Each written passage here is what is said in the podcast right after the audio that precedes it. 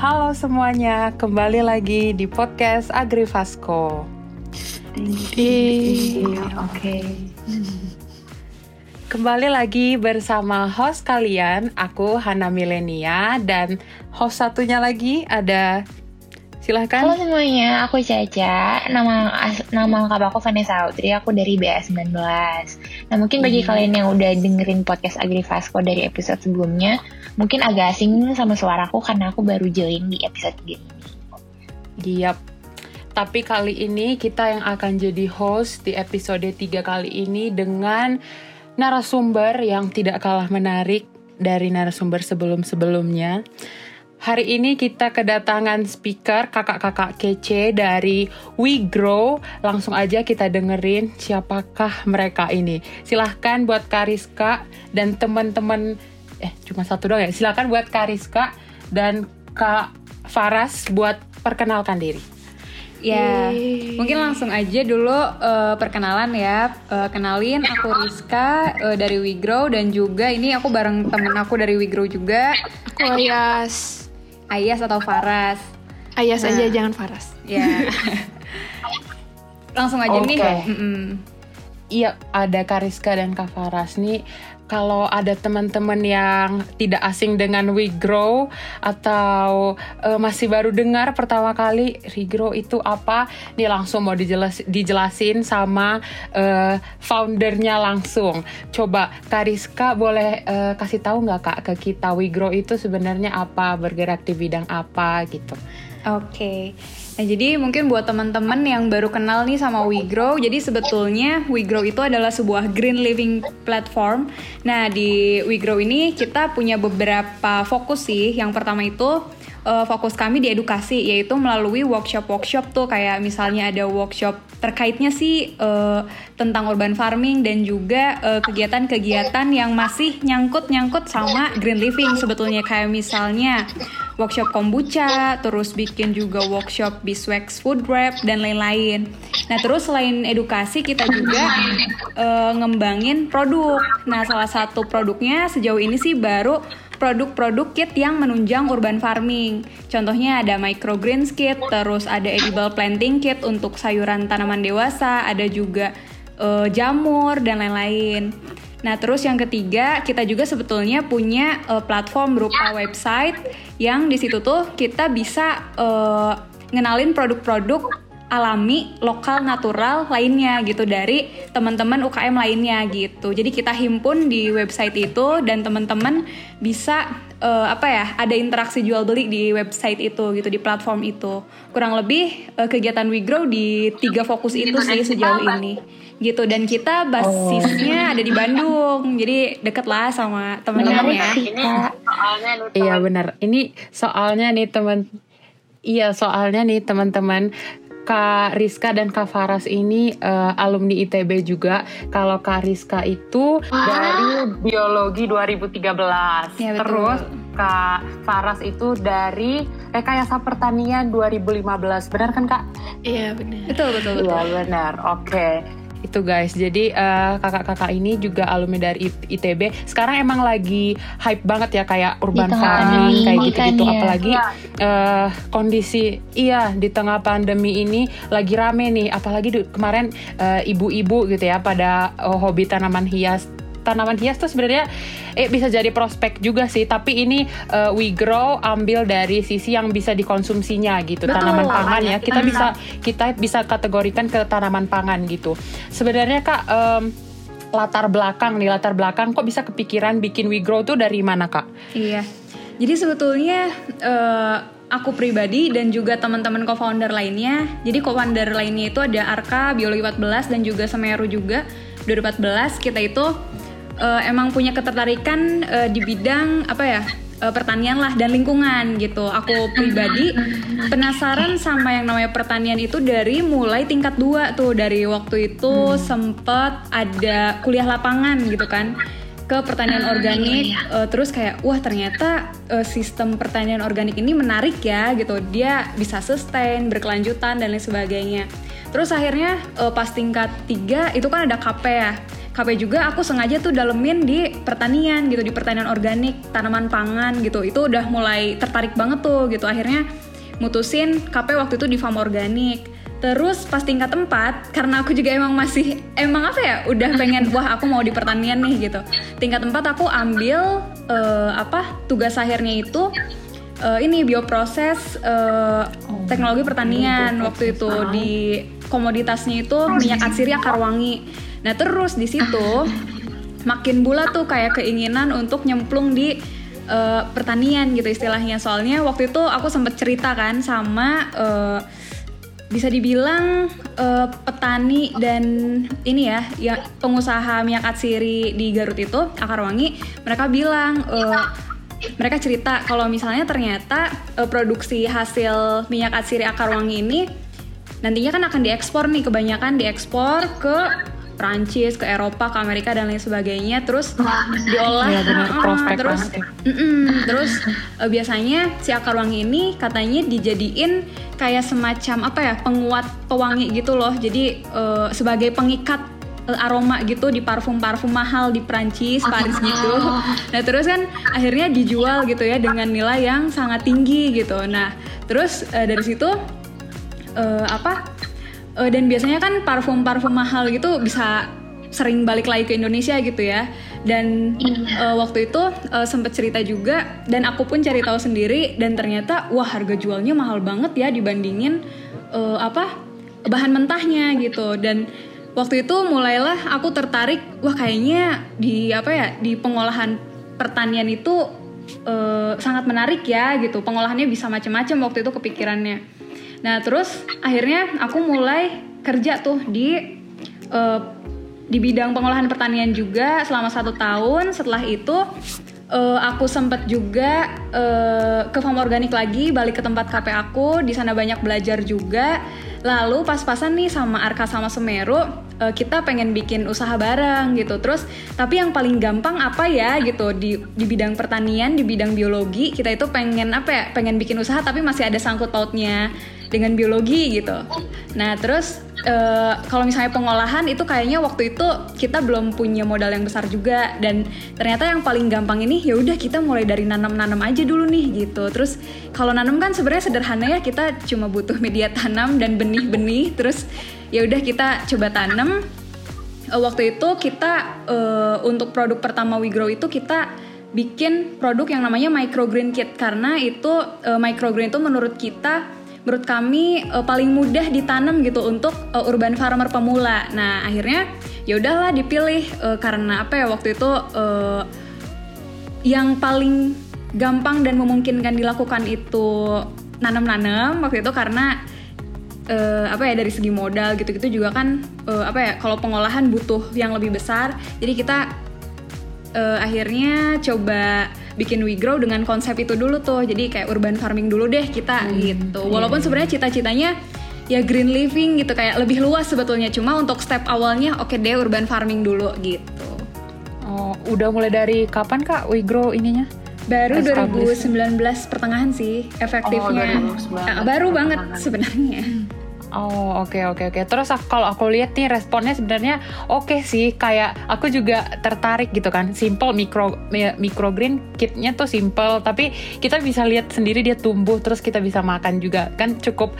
Maksudnya ada market dan em, orang-orang sekarang tuh cukup tertarik dengan itu gitu. Coba eh, Caca ada pertanyaan Cak? Kan aku kan kemarin lihat juga ya kak. Aku denger-denger nih eh, We Grow ini pernah menangin lomba jadi third best startup di challenge-nya Astra ya kak. nah mau nanya dong pengalaman kakak selama ikut lomba itu apa ya? Gimana gitu rasanya? Atau boleh sharing deh tentang seputar lomba kemarin itu? oh iya tentang Astra Startup Challenge ya Mm-mm. Iya, benar kak. Mm-mm, jadi Astra Startup Challenge itu sebetulnya eh, lomba untuk eh, apa ya? Untuk pebisnis pemula sebetulnya. Soalnya di situ ada syarat kan ya, ada syarat 1 sampai 2 tahun Iya. berdiri entah apalah, aku lupa. Nah, terus eh, di situ akhirnya eh, aku daftar dan ternyata emang beragam banget tuh eh, pesertanya. Ada yang bergerak di bidang apa ya? produk-produk hijau, ada juga di teknologi, ada juga uh, food and beverage, ada juga edutech dan lain sebagainya. Nah Oh terus jadi nggak cuma seputar pertanian ya kak? iya Banyak bidang lain juga. Mm-mm, umum banget sebetulnya ASC itu dan eh, waktu itu kita diinkubasi itu selama enam bulan dan waktu jadi selama enam bulan itu kita dikasih apa banyak belajar lah eh, gimana caranya mulai dari apa ya eh, belajar tentang marketing belajar tentang eh, banyak hal lah. Pokoknya tentang OKR pokoknya basis-basis eh, entrepreneurship dibahas di situ. Dan emang apa ya menurut aku buat alumni alumni apa maksudnya bukan yang basisnya manajemen atau bisnis itu sangat membantu sih misalnya ikut kompetisi seperti itu gitu Oh iya. Jadi dari awalnya itu di- mulai dari apa, Kak? Mungkin dari bisnis plan gitu kali ya? Itu kali ya. oh iya jadi awalnya oh iya nih mungkin buat teman-teman juga yang mau memulai bisnis terus butuh modal ini melenceng gak ya jadi eh, si Astra Startup Challenge ini kan sebenarnya kayak ngasih grant juga ya eh, buat eh, pemenangnya nah eh, awalnya itu kita diseleksi lewat proposal Nah terus dari proposal itu dari ri- berapa ribu aku lupa dari berapa ribu peserta diambil 50 peserta terus kita dibi- disuruh bikin video pitching kalau nggak salah atau profil ya aku lupa pokoknya disuruh min disuruh bikin tentang video tentang WeGrow-nya lah. Terus setelah itu diambil 25 besar. Abis itu ngirim pitch deck terus berapa orang tuh kak pesertanya? Jadi 25 orang.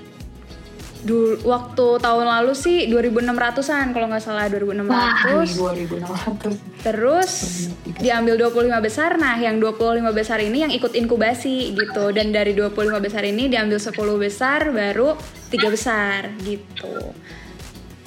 Sebenarnya Oke oke oke. Buat ini eh, kalau nggak salah nih kak, kalau bikin bisnis kayak gitu kan, ben- apalagi bentuk startup gitu.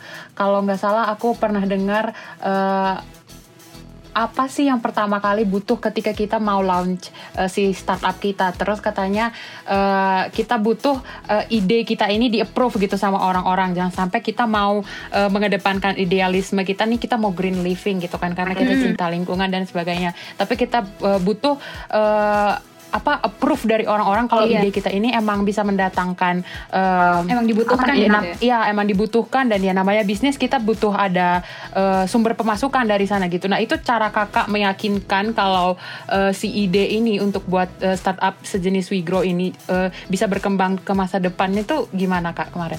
Hmm, Jadi emang kalau misalnya kita mau apa ya punya ide bisnis itu kan gak cuma ide ya yang harus disiapkan gitu, tapi sebenarnya ide ini eh, apa ya sebuah solusi nggak ya buat eh, masyarakat gitu kan? Maksudnya itu pun akan berkaitan dengan eh, demand pasar kita gitu soalnya. Nah biasanya eh, kita eh, kalau misalnya mau bikin ide itu awalnya kita cari-cari masalah dulu kan, cari-cari masalah. Waktu itu kebetulan ini ada temen, maksudnya teman-teman yang emang pengen apa, pengen eh, nanam-nanam waktu itu, tapi mereka itu Visi lah ya kak. eh, nanam-nanam, tapi waktu itu mereka itu kesulitan eh, nyari bahan-bahan buat nanam, alat-alat dan bahan buat nanam waktu itu ya. Nah terus ditambah lagi, apalagi kalau misalnya buat pemula nggak sabaran. Kayak aduh dua bulan tiga bulan lama banget kalau misalnya mau nanam sayuran dewasa gitu nah akhirnya eh, kami bertiga waktu itu di Wigrow nggak bertiga sih waktu itu sih masih banyak kan ya. Masih banyak kan nah eh, kita coba research produk yang bisa menjawab eh, apa ya masalah temen kita tadi itu.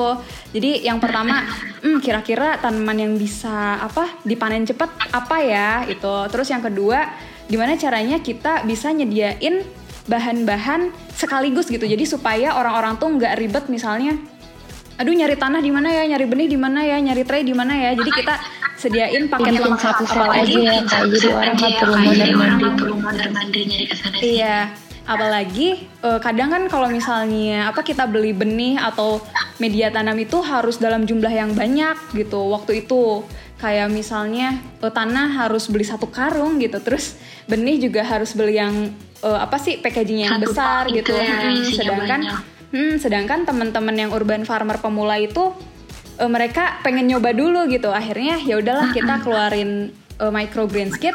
Dan yaudah kita tawarin terus uh, kita juga uh, kebetulan gabung di beberapa komunitas pertanian terus kita coba masuk masukin wah ternyata responnya baik waktu itu.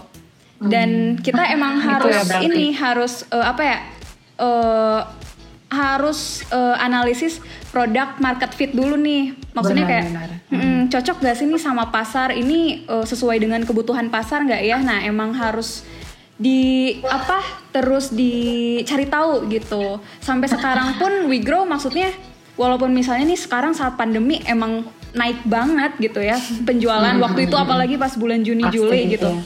tapi kita sampai saat ini pun masih mikir gitu ini apakah tren pandemi doang dan bisa berlanjut sampai nanti apa gimana gitu. Nah di sini kita pun masih terus apa ya eh, nganalisis lah kalau misalnya ternyata trennya apa eh, berkurang apa yang bisa kita lakuin terus research produk yang research eh, apa sih produk baru yang bisa dikenalin lagi gitu yang sesuai eh, tren atau sesuai apa ya kebutuhan pasar dan lain-lain gitu sih Benar-benar. Jadi buat teman-teman yang mungkin punya inovasi tuh eh, inovasi yang id- menjunjung tinggi in- idealisme tuh oke, tapi harus ada idea idea approval dulu dari orang-orang dan sesuai dengan kebutuhan orang-orang yang eh, kita mau tuju gitu ya kak. betul betul betul Oke, keren.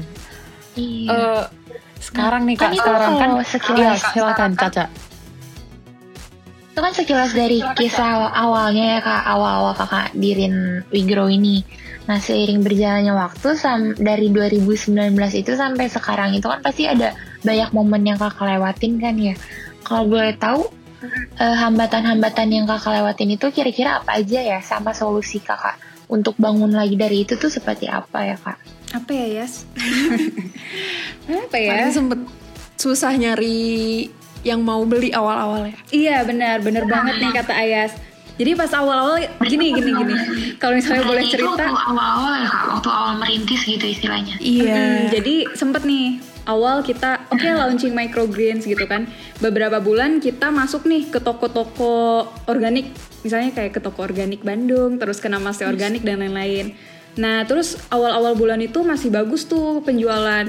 Terus ternyata eh, apa? Eh bulan-bulan akhir tahun kemarin itu mulai turun tuh penjualan. Sebenarnya kita analisis juga sih. Jadi kayak wah kayaknya produk kita ini eh, karena menjual experience karena kan itu kit ya. Jadi orang-orang ketika mereka sudah mencoba, sudah tahu caranya, bisa jadi mereka eh, nggak balik lagi kan, nggak balik lagi. Jadi mereka bisa beli eh, apa? Bisa beli dari tempat lain sendiri, misalnya iya. gitu, bikin sendiri lah gitu. Nah bisa kayak gitu. Nah terus eh, akhirnya waktu itu kita sih nganalisisnya itu ya waktu itu dan akhirnya sempet tuh kayak aduh bingung mau ngapain lagi ya gitu. Bingung terus akhirnya ya itu pas di titik bingung itu eh, aku mulai daftar ini eh, The Greater Hub itu kayak inkubasi bisnis di SBM sama Astra Startup Challenge ini. Dan ternyata si The Greater Hub dan Astra Startup Challenge ini kayak apa ya wadah yang tepat buat kita yang bingung bisnis gitu loh. Dan akhirnya dari sana tuh selain dapat ilmu dapat juga koneksi. Jadi kayak menurutku sih penting juga tuh kita tuh eh, apa ya nyari temen gitu. Intinya sih nyari temen nyari guru nyari mentor itu sangat berguna gitu. Dan akhirnya setelah apa sih ikut The Greater Hub ikut Astra Startup Challenge kita dapat mentor kita dapat link-link terus dapat juga ilmu baru. Jadi sambil jalan sambil maju lagi waktu itu dan alhamdulillahnya eh apa justru lebih baik gitu Oke oke oke. Kalau boleh nanya nih kak, dari skala 1 sampai 10, eh 10 paling bagus gitu ya, satu yang paling nggak bagus. Respon dari pelanggan-pelanggan eh, We Grow itu mau kit, terus apa ad- kan kitnya banyak tuh kak, ada yang self watering microgreens juga ada ya kak. Terus ada kombucha. Nah itu eh, mereka responnya segimana kak bagusnya tuh dari rate 1 sampai 10? oh rate-nya Sebenarnya Iya, sih dari mereka coba gitu. nih Ayas kalau misalkan sekarang tuh kan udah banyak ya kompetitornya maksudnya jadi banyak orang yang jualan kit microgreens juga.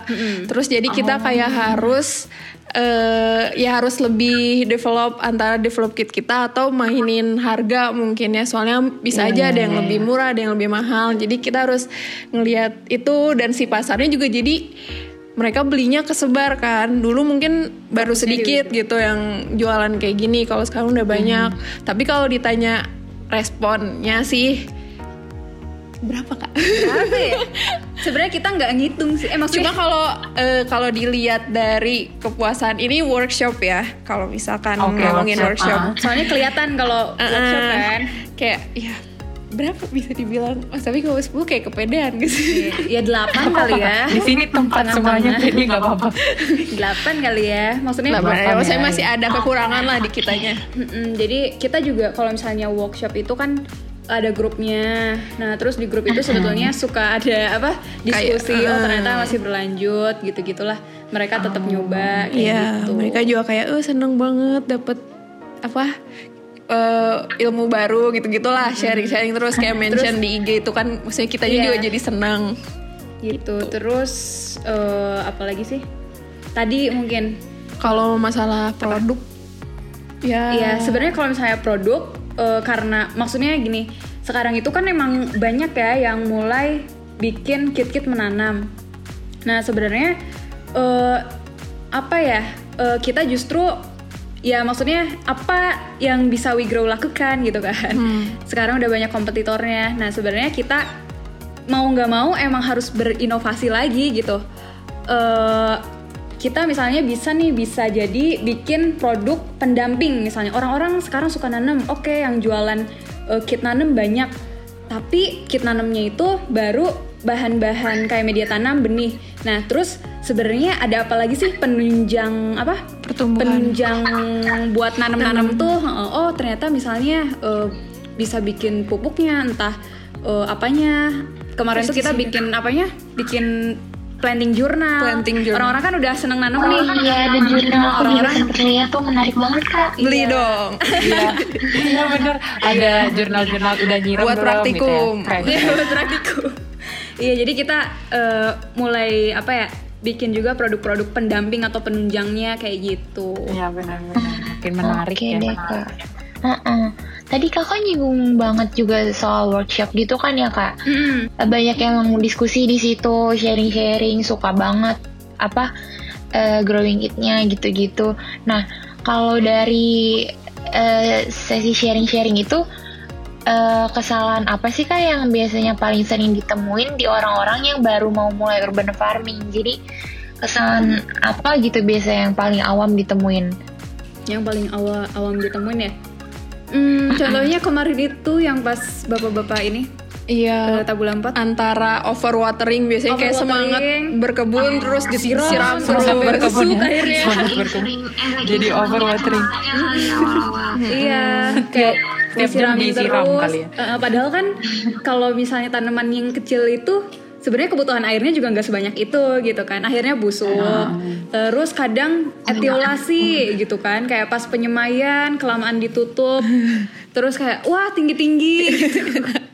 Jadi ada eh, apa istilahnya kutilan kayak gitu. Terus apalagi paling hama ya? sih paling masih Oh, PR iya, juga Yang masih PR itu hama sebenarnya kayak Wah, Mm, untuk sayuran dewasa kalau microgreen sih aman ya dari hama. Maksudnya paling jamur-jamur sedikit-sedikit doang. Tapi untuk sayuran dewasa itu yang sering di apa ya? Yang sering ditanyakan eh, para peserta workshop itu yaitu tentang pengendalian hama gitu, rumahan gitu. Misalnya nggak mau pakai nggak mau pakai apa pestisida gitu. Gimana Apa? caranya kayak gitu? Itu sih yang sering ditanyain ya. Hmm. oke deh kak. Kalau kesalahan-kesalahan gitu eh, selain yang tadi overwatering itu ada lagi nggak kak? Kayak eh, ada yang baru tahu ternyata eh, kompos sama tanah biasa tuh beda gitu-gitu. Ada nggak? banyak sama, Banyak. workshop. Banyak ibu-ibu Banyak ya. ya cuma em, bagusnya sih pada apa ya pada penasaran pada gitu penasaran loh dan mau belajar emang. Terus eh, karena ada grup WA-nya juga difasilitasin, jadi mereka langsung nanya ke kita ini kenapa ya gini. Iya, di foto biasanya pagi-pagi, celek gitu. Terus kayak Oh sampai di foto gitu. Oke. iya, di foto terus laporan, terus wah eh, apa benihnya udah pada tumbuh gitu, udah pada mulai keluar akarnya, terus lima hari kemudian kak kok layu ya? gitu. Tapi ada- banyak juga kok yang berhasil bisa sampai panen bisa mereka ngasih lihat eh, fotonya sampai udah diolah udah dibikin salad dan lain sebagainya. Gitu juga banyak gitu.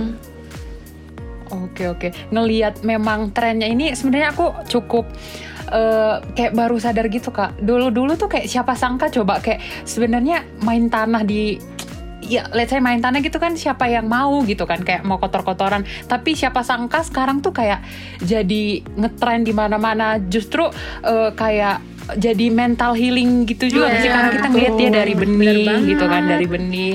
Terus eh, lama-lama tumbuh kita sendiri yang rawat gitu. Nah ada fakta-fakta lain nggak kak? Kayak eh, ternyata selama kita melakukan ini tuh bisa eh, berdampak ini loh ke kesehatan kita atau hal-hal lain gitu selama kakak menjalankan We Grow baik dari kit microgreensnya terus eh, workshop workshop workshopnya yang kayak gitu-gitu. Ada fakta-fakta lain nggak kak gitu? Kayak yang bisa eh, menjelaskan hubungan antara eh, green living ini ke kehidupan kita sehari-hari sekarang kayak siapa yang sangka gitu kayak jadi ngetren gitu Iya. Kalau aku dulu kalian nanti Ayas. Kalau aku sebenarnya kayak nanam itu apa ya? eh bener sih healing dan aku tuh senang gitu ketika ngeliat tanaman aku tumbuh. Terus misalnya Benar, waktu benar. itu mm-mm, senang banget kayak eh, apalagi misalnya kita dapat benih-benih yang eh, apa sih waktu penyemaiannya itu lama tuh. Eh maksudnya germinasinya tuh lama. Terus tiba-tiba dia nongol gitu setelah misalnya dua minggu ditungguin terus ter- ternyata nongol terus tumbuh. Wah, itu senang banget sih. Dan waktu itu eh, sempat kita nanam cabe di depan tuh. Terus eh, apa eh, hari sebelumnya tuh aku lihat kayak masih hijau gitu ya. Terus pas besoknya lagi wah ayah sudah merah. Terus kayak kayak apa ya kayak senang aja gitu dan takjub gitu. Kayak wah keren banget. Maksudnya kayak apa ya jadi senang sendiri gitu loh kayak Eh, sambil ini sih kadang aku karena aku waktu itu di lab ini ya tumbuhan dan dulu aku seneng apa ya sains tumbuhan waktu itu.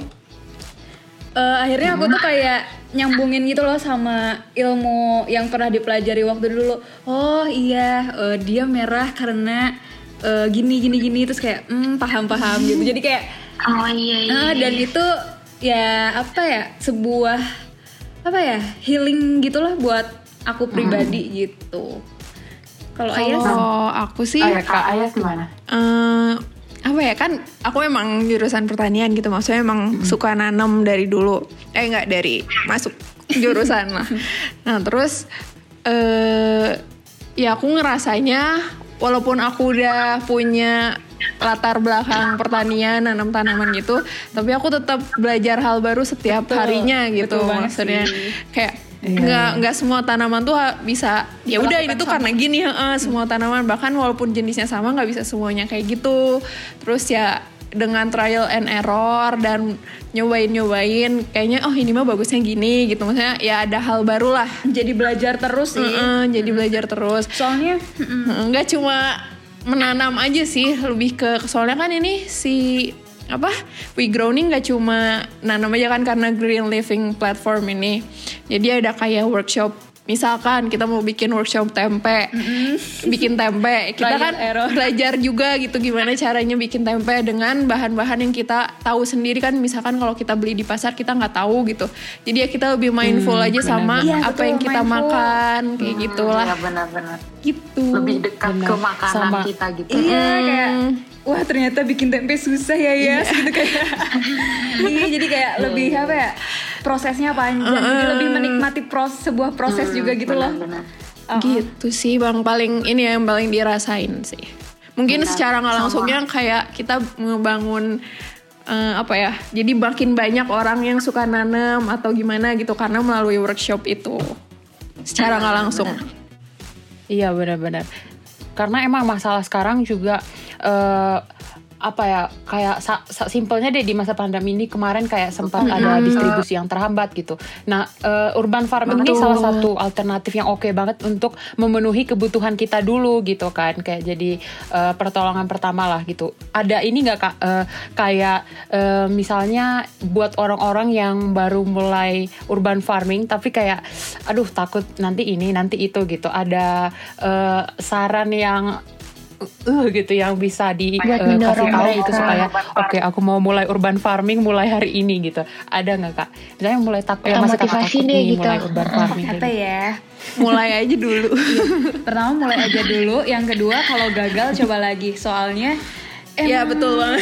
Iya, soalnya kadang kita juga udah ngerasa tahu ya secara teori oh kalau misalnya gini gini gini gini tapi tetap aja gitu suka gagal dan ya itu obatnya ya harus nyoba lagi gitu. Maksudnya kalau misalnya nanam itu seiring berjalannya waktu kita bisa ngelihat polanya gitu loh. Bakal ke bawah tuh maksudnya jadi tau lah gitu ya.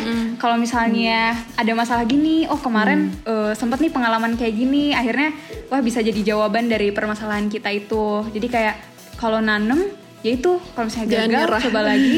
Jangan nyerah. Terus harus sabar emang dan harus yang paling susah itu harus konsisten itu yang susah banget. Kadang kan kita eh, apa ya bosenan kadang terus akhirnya terbengkalai tanamannya.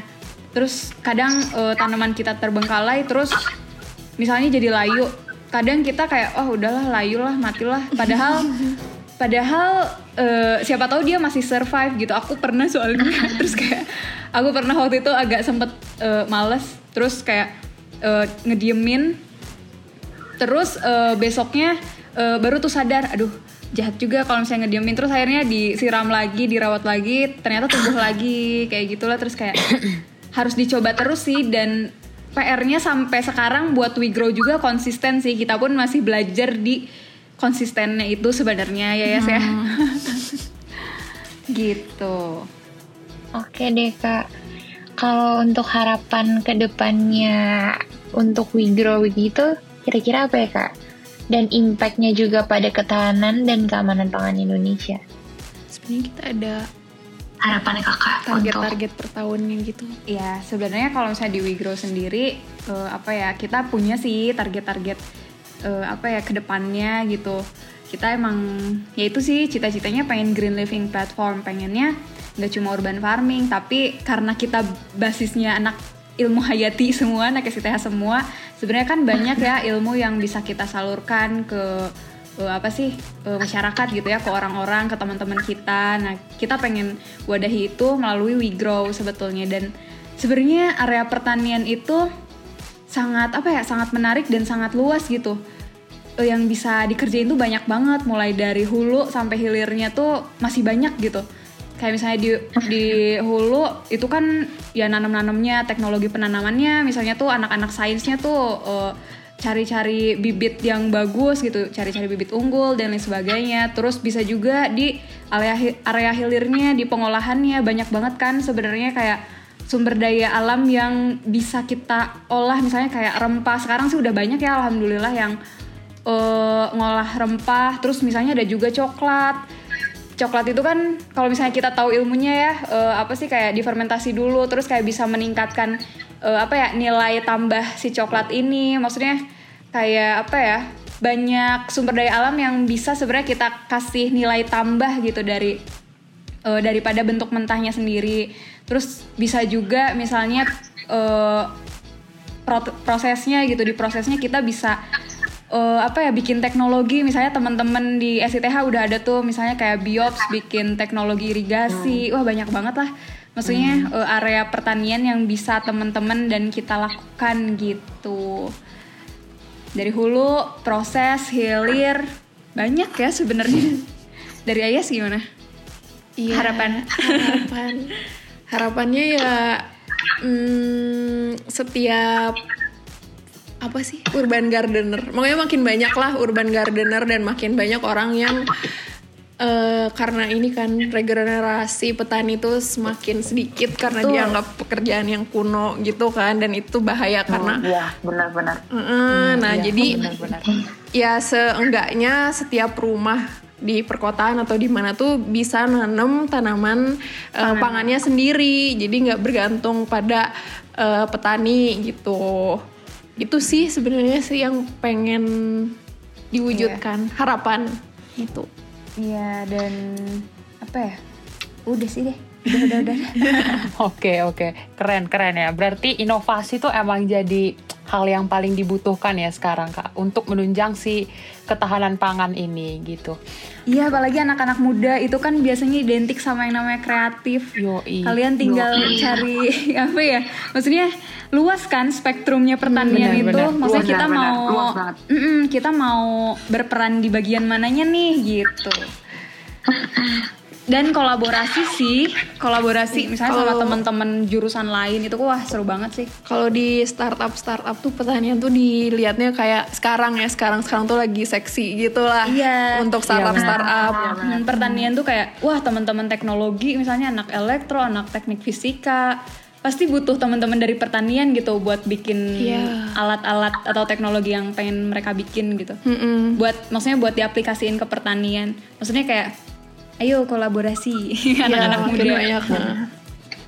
Oke, iya benar Kak. Terima kasih banyak untuk Kak Rizka dan Kak Faras buat inovasinya tentu ya itu harus di highlight buat teman-teman uh, pendengar semuanya. Inovasi itu penting banget apalagi buat kita anak millennials. Supaya nih apa yang sedang kita pelajari nih sebenarnya bisa jadi apa pun gitu.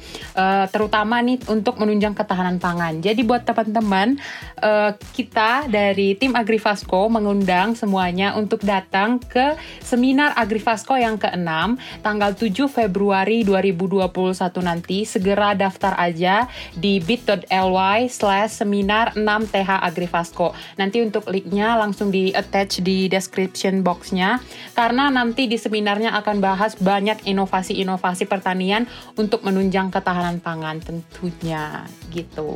Yeay. Yeay kita juga mau makasih banget buat Kak Rizka dan Kak Ayas dari Migro. Nggak kerasa banget kita udah ngobrol-ngobrol setengah jam. Seru banget ternyata ngebahas pertanian itu tuh. Iya kita udah belajarin juga dari tadi yang apa growing kit sama microgreens. Banyak banget kan yang didapetin dari episode kali ini juga. Jangan lupa buat teman-teman semuanya follow juga Instagram WeGrow karena ada banyak uh, WeGrow juga sering kasih uh, infia-infia gitu ya kak tentang tanaman-tanaman gitu ada gitu. Jadi bisa jadi informasi ilmu juga buat teman-teman yang follow Instagramnya WeGrow bisa juga langsung dibeli segala macam kit microgreen segala macam kit segala macam juga iya banting jurnal terus beli juga. Uh, kit kombuchanya karena uh, sangat worth it gitu. Ikut workshop cek juga di Instagramnya Wigro, cek juga Instagramnya Agrifasco. Mantap, terima kasih ya. Segitu aja dari kita. Sampai jumpa di video selanjutnya. Bye bye. Bye bye. Oke, okay, dadah. dadah.